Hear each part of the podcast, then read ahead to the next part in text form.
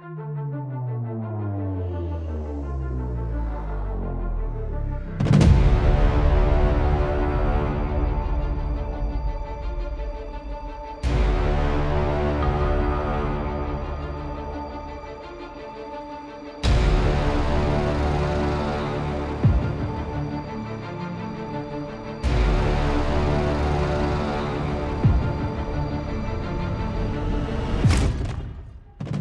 Cześć, witam na moim kanale. Ja mam na imię Piotrek i zapraszam Cię serdecznie do odsłuchania jednego z odcinków mojej audycji pod tytułem Stenogramy zbrodni.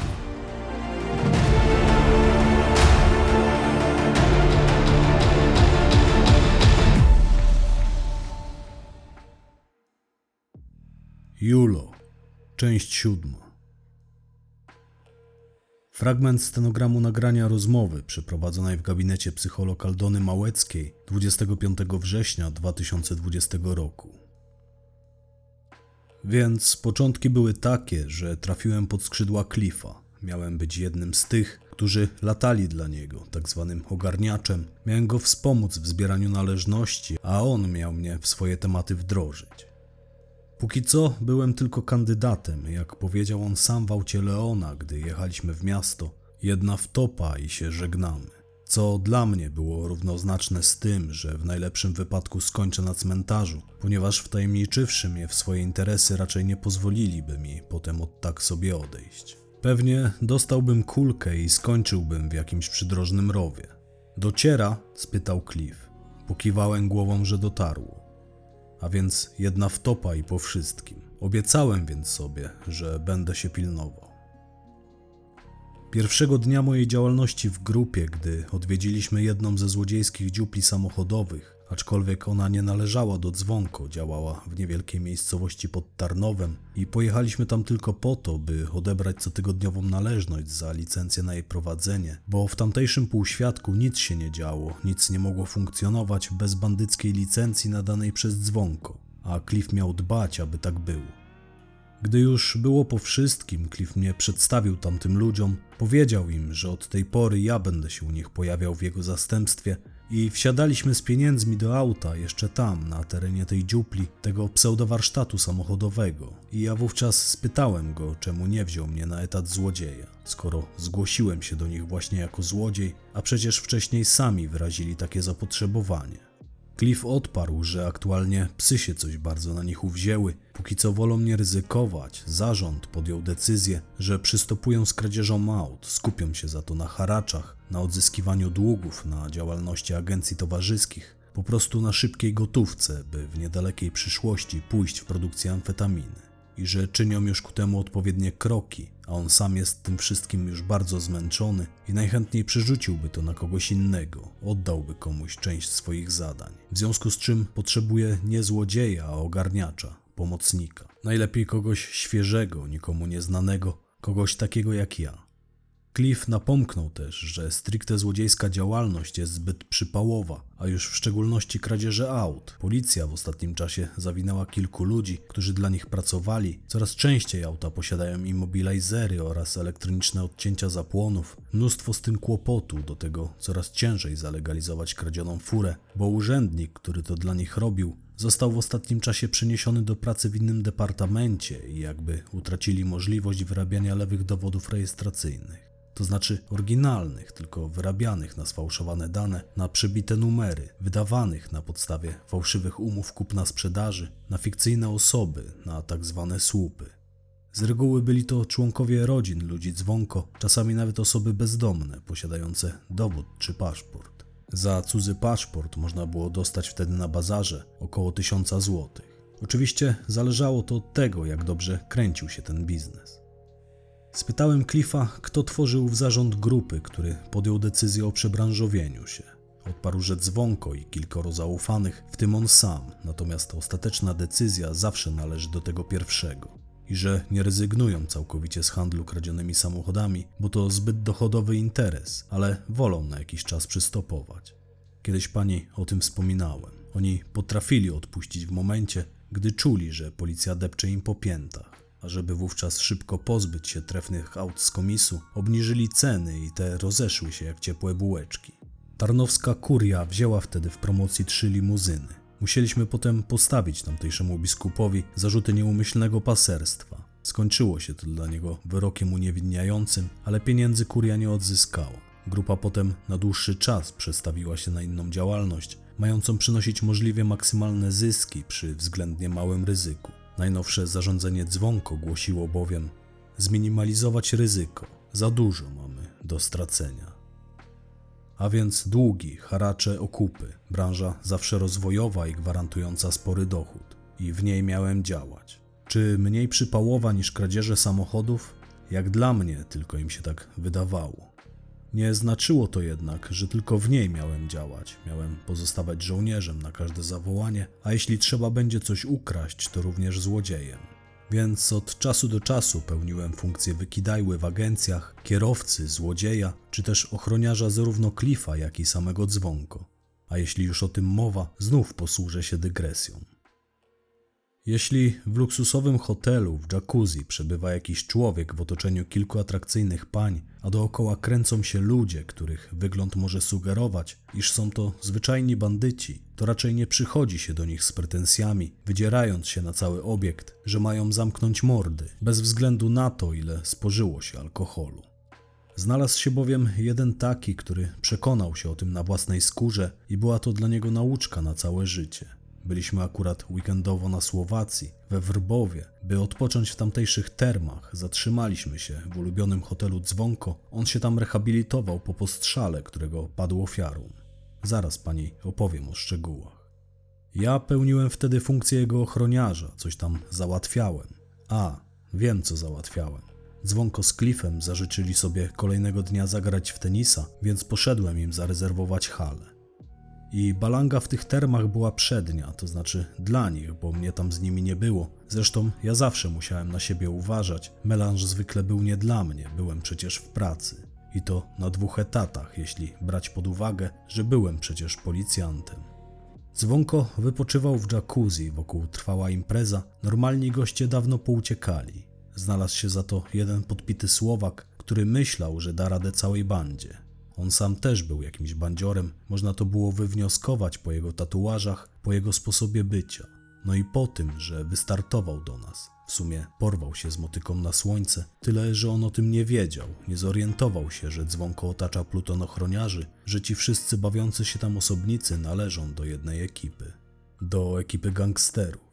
A on był sam, tylko z jakąś laską. I przyszedł ten facet, to znaczy wygramolił się z sąsiedniego jacuzzi i zaczął się drzeć, że chłopaki są za głośno, mają wypierdalać, a na pytanie dlaczego odrzekł, że on ma taki kaprys. Dzwonko tylko spojrzał na Janeczka, facet zaraz został wyniesiony na zewnątrz, nie wyprowadzony, tylko wyniesiony, bo ludzie dzwonko nieśli tego faceta za nogi i za ręce, nie dotknął ziemi opuszczając hotel. Potem na ich prośbę własnoręcznie wygrzebał sobie dziurę w śniegu. Na parkingu były ogromne zaspy, sporo wtedy napadało. Oni kazali mu wejść do tej dziury, obsypać się śniegiem i spędził tam w ten sposób dobre dwie godziny. Oczywiście od czasu do czasu Janeczek przykładał mu lufę pistoletu do głowy, by przełamywać jego opór. Mnie przy tym nie było, ja zastałem chłopaków już po wszystkim przy stolikach w restauracji podczas kolacji. Śmiali się z tej sytuacji do rozpuku. Facetowi do śmiechu nie było. Trafił na pogotowie, odmroził sobie wtedy palce u stóp i genitalia. Niestety zostały mu one amputowane. Siedem palców u nóg i genitalia. Potem odszukaliśmy tego człowieka, tego Słowaka. Występował w procesie grupy jako pokrzywdzony. Polski Skarb Państwa zgodził się wypłacić mu spore odszkodowanie. Pieniądze pochodziły ze sprzedaży skonfiskowanych już wtedy członkom ekipy dzwonko nieruchomości. Miałem potem wyrzuty sumienia, że facetowi nie pomogłem, ale ja nawet nie wiedziałem, że taka sytuacja ma miejsce. Mówię, zanim odnalazłem w tym hotelu opiekuna hali sportowej i zarezerwowałem ją, a przy okazji uciąłem sobie z tym człowiekiem pogawędkę, zanim wróciłem na kolację, było już po wszystkim. Widziałem tylko światła odjeżdżającej spod hotelu karetki. Policji wtedy nikt nie powiadomił. Ofiara nabawiła się hipotermii, zanim ten mężczyzna odtajał i doszedł do siebie po zabiegach, którym go poddano i zdołał odzyskać zdolność logicznego mówienia. My zdążyliśmy opuścić Słowację, ale nie o tym miało być.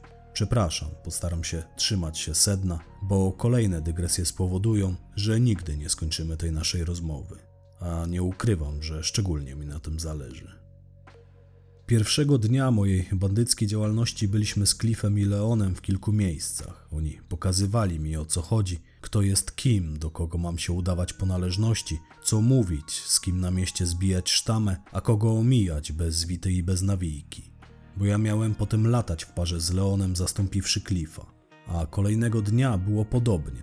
Też w tym samym składzie wyruszyliśmy w teren. Co prawda to była niedziela, ale dla nas był to dzień intensywnej pracy, że tak powiem.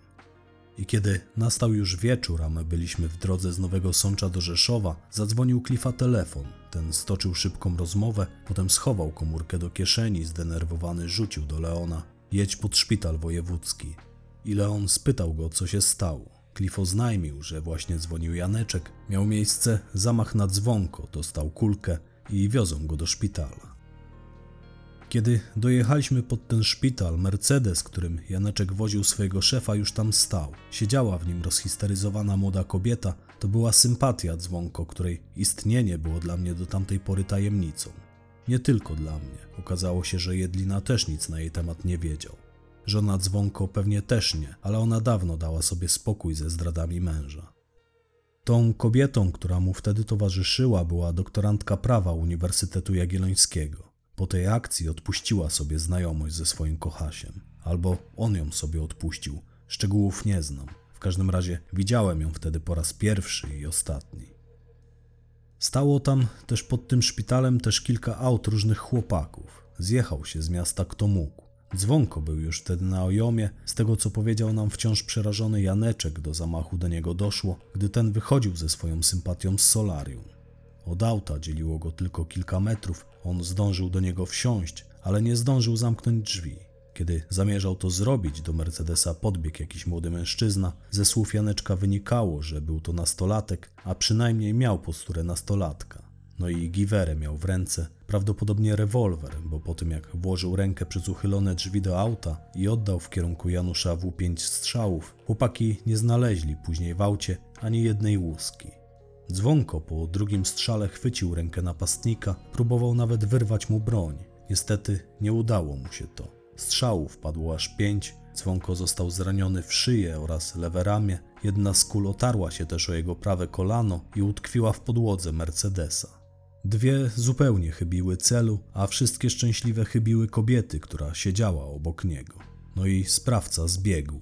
Janeczek twierdził, że ten uciekł, zanim zdążył zorientować się, co się stało, ale ja sądziłem i sądzę tak do dzisiaj, że jak to zwykle w takiej sytuacji bywa, kierowca, w tym wypadku Janeczek, skitrał się pod kółkiem, gdzie dygocząc o własne życie, postanowił wszystko przeczekać.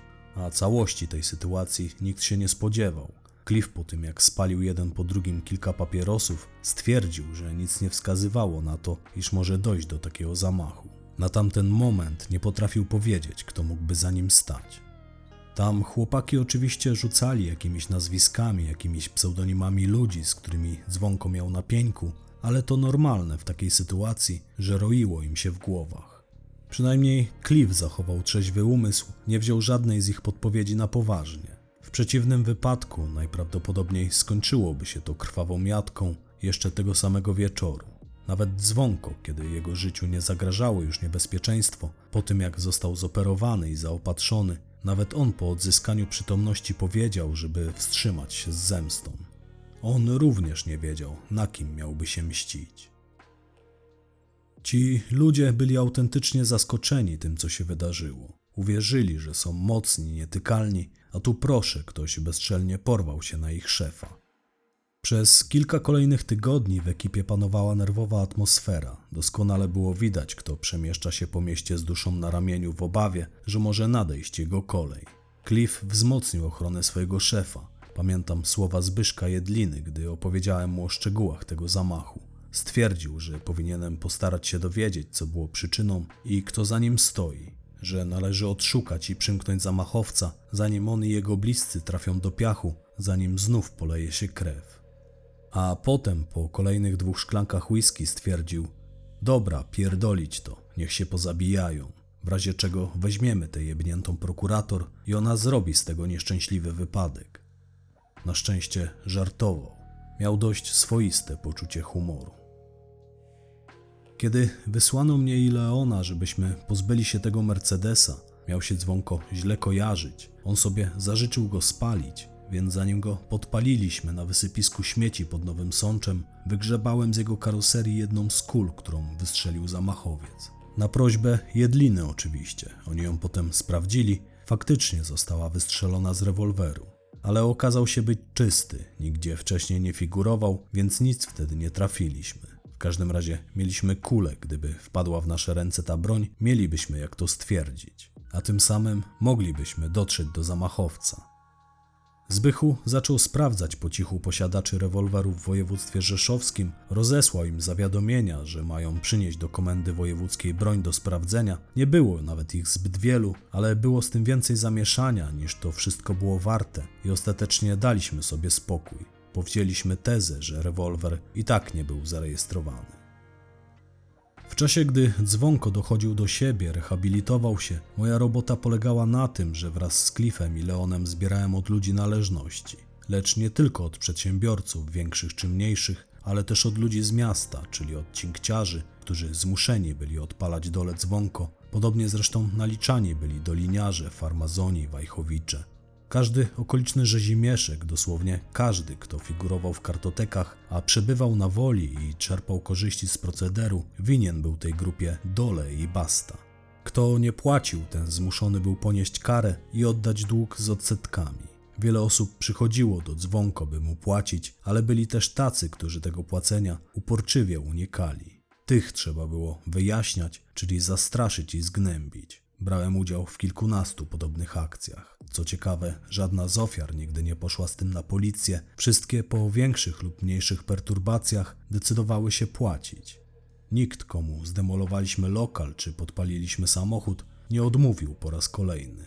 Aczkolwiek był jeden przedsiębiorca, który na tyle się stawiał, że Cliff podjął decyzję, iż postraszymy go na grubo, że najlepiej będzie, jeśli weźmiemy go na wycieczkę do lasu i tam opróżnimy mu magazynek przy głowie, bo to było najlepsze lekarstwo na opornych straszenie z użyciem broni palnej.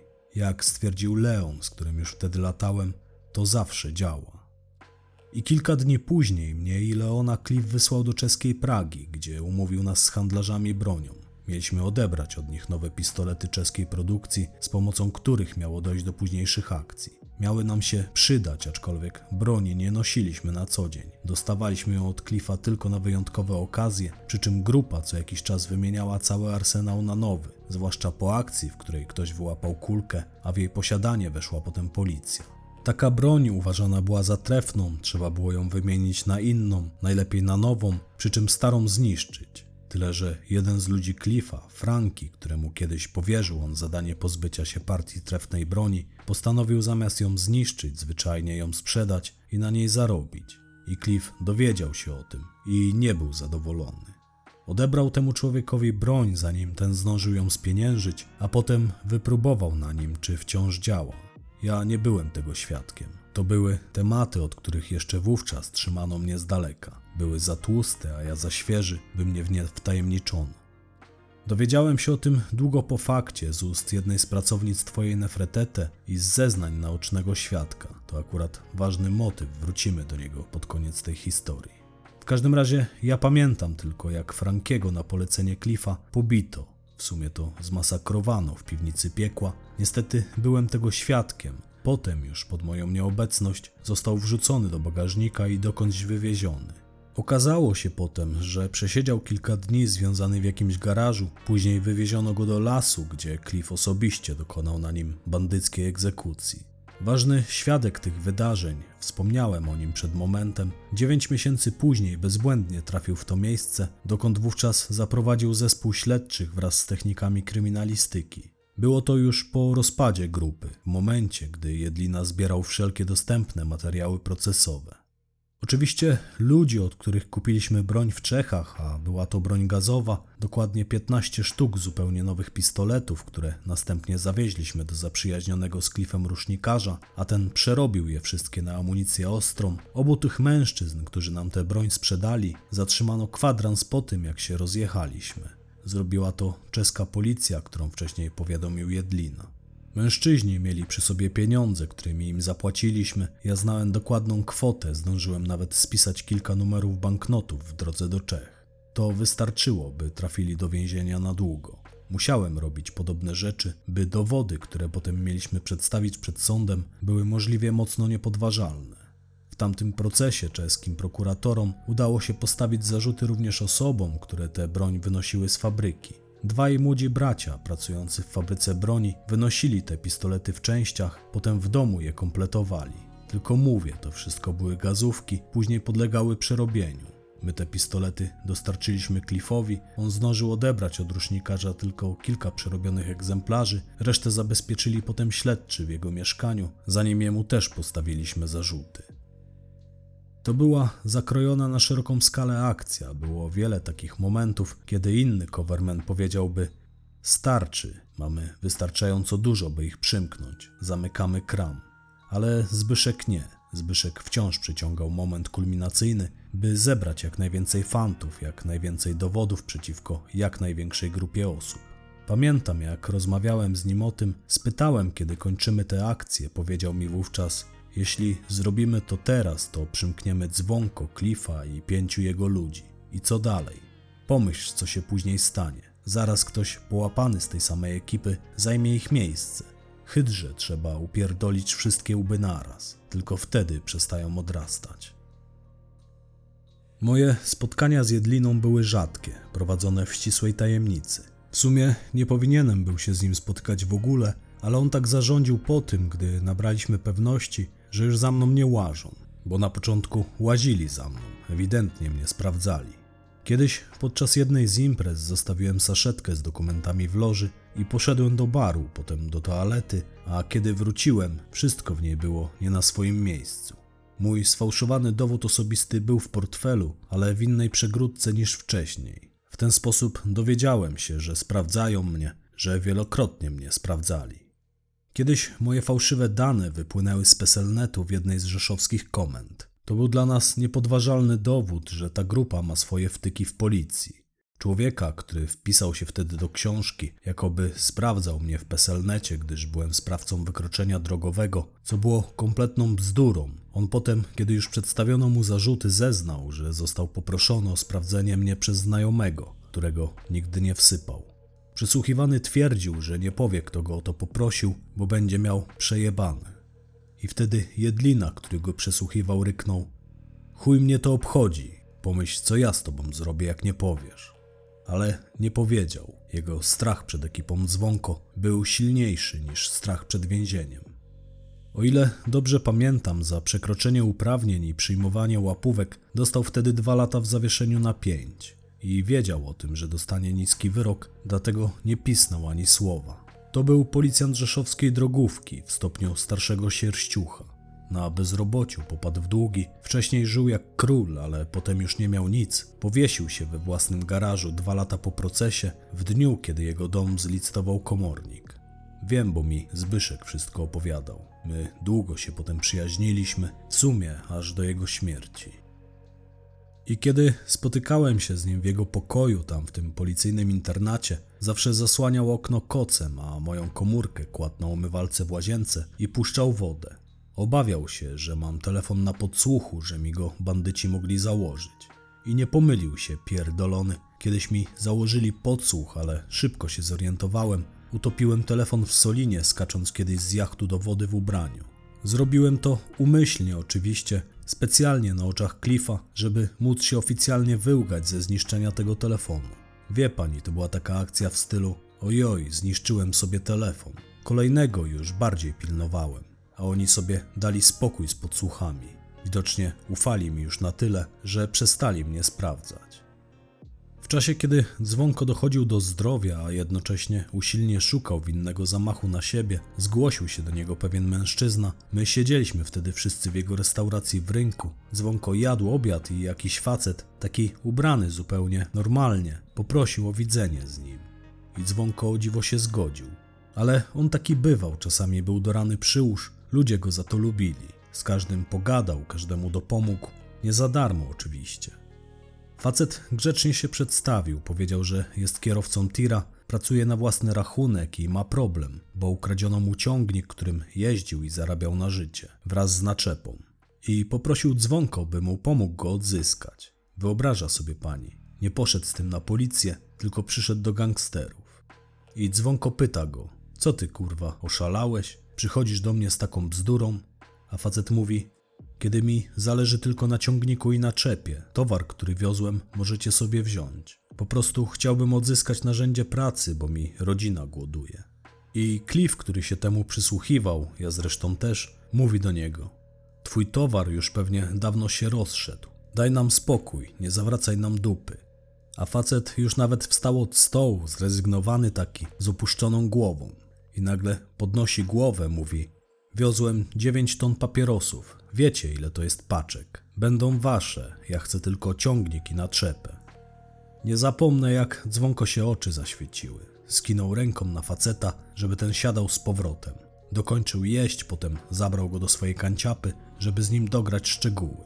I zaczęliśmy szukać tego tira, to znaczy rozpytywać o niego, bo kto by go tam szukał? To byłoby jak szukanie igły w stogu siana.